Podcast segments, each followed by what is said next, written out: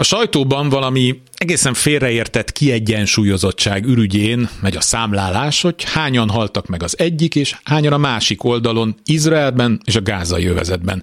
Hány palesztin, mennyi zsidó halt meg. A nap végén mindig megvan a hideg számvetés is, hát bizony kevesebb a zsidó. Ez így nem kóser, darabra meg kell lennie a testeknek, hiszen ez méri, hogy mennyire civilizált jogállam Izrael.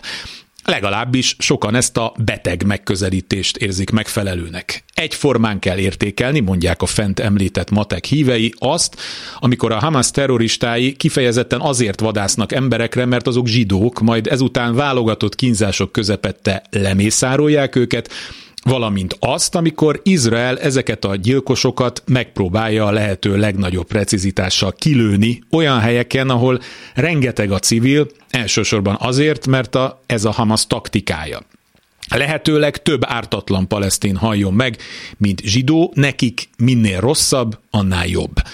Nincs még egy országa a világnak, aminek biztonsági döntéseit annyian figyelnék, mint Izraelét. És nem csak kibicelő demokráciák, de a legundorítóbb diktatúrák és autokráciák is felhatalmazva érzik magukat, hogy Izrael ügyében véleményt, sőt, ítéletet mondjanak. Ez történelmileg valahogy így alakult. A Földön úgy általában minden rendben lenne, de hát Izrael nem bír magával. Ez remek indok némi pogromra is, ahogy az a minap Dagestánban történt. Képmutató politikusok tovább mantrázzák mindenfelé a kétállami megoldást, amiről pontosan tudják, hogy ez a lehetőség már régen elveszett. Sok oka van ennek, de a legfontosabb talán most annak a kérdésnek a felvetése, hogy vajon milyen állam lenne a palesztinok állama.